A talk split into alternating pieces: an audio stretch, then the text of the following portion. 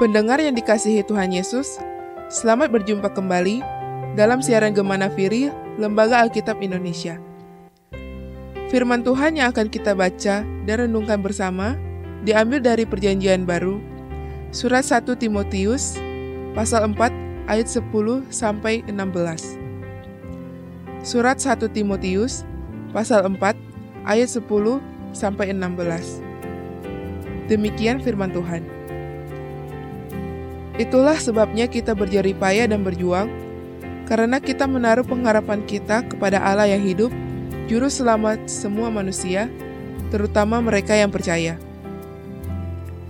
Beritakanlah dan ajarkanlah semuanya itu. Jangan seorang pun menganggap engkau rendah karena engkau muda.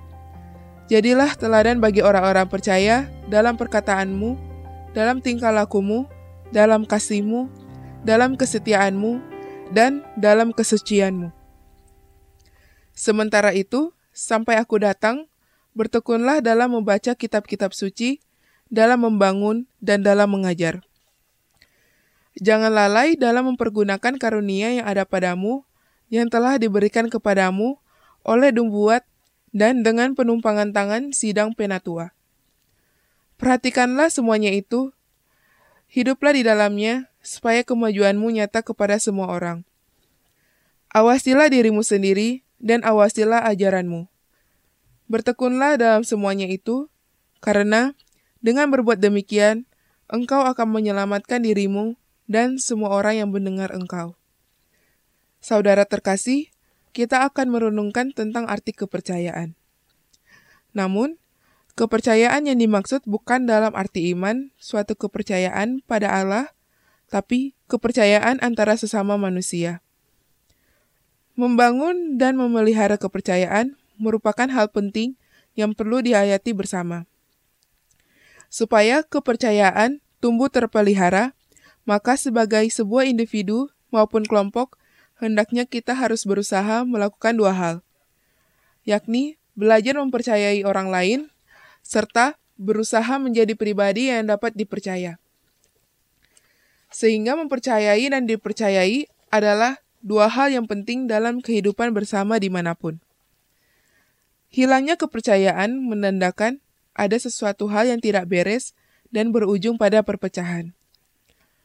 Ketidakpercayaan menimbulkan sikap saling curiga, saling membohongi, dan hal tersebut akan memperburuk keadaan. Dapat dibayangkan bila suami istri sudah tidak saling mempercayai, maka hubungan keduanya akan retak dan konflik akan terus berkepanjangan, bahkan tidak jarang ada yang mengakhiri dengan perceraian. Bila kepercayaan sudah hilang, maka untuk mendapatkannya kembali sungguh tidak mudah. Menjadi pribadi-pribadi dewasa yang dapat dipercaya dan dipercaya harus dimulai dari diri sendiri dan bukan menunggu orang lain. Percaya dan dipercaya harus berjalan bersamaan sehingga kita dapat merasakan manfaatnya. Ada pepatah, semakin kita percaya pada diri sendiri, membuat kita semakin mampu percaya dan dipercaya orang lain. Mempercayai orang lain menunjuk pada tindakan-tindakan konkret, seperti percaya pada apa yang dikatakan orang. Dalam hal ini, kita mendengar dan menyimak apa yang dikatakan orang lain tanpa menyimpan rasa curiga. Hal ini membantu kita mengembangkan pikiran positif terhadap orang lain.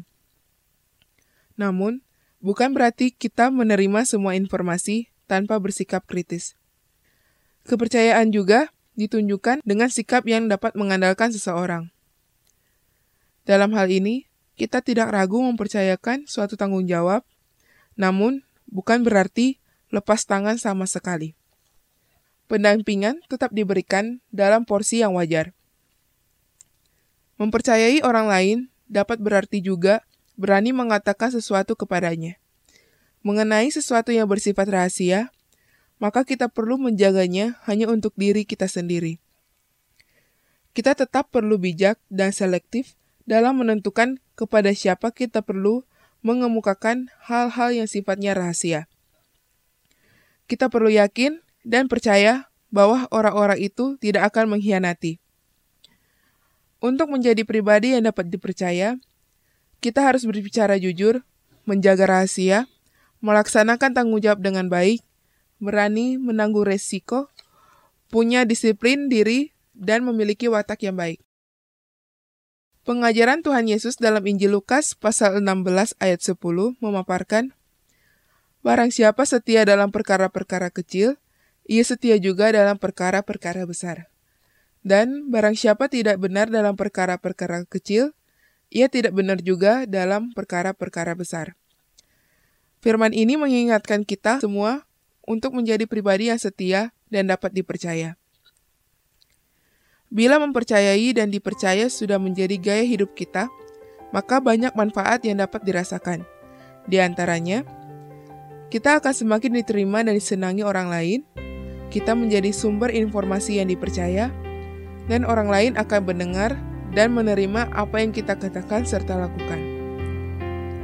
Selain itu, kita akan menjadi orang yang berkualitas, mampu memberi teladan, mampu menguasai diri, dan ketika dihadapkan dengan tanggung jawab yang lebih besar, kita dapat lebih mudah mendapat dukungan.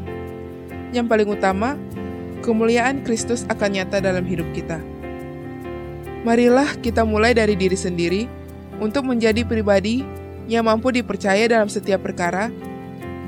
Dengan bekal tersebut, kita akan diberi kemampuan untuk mempercayai dan menerima orang lain dengan segala kelebihan dan kekurangan mereka. Tuhan Yesus memberkati kita semua. Amin.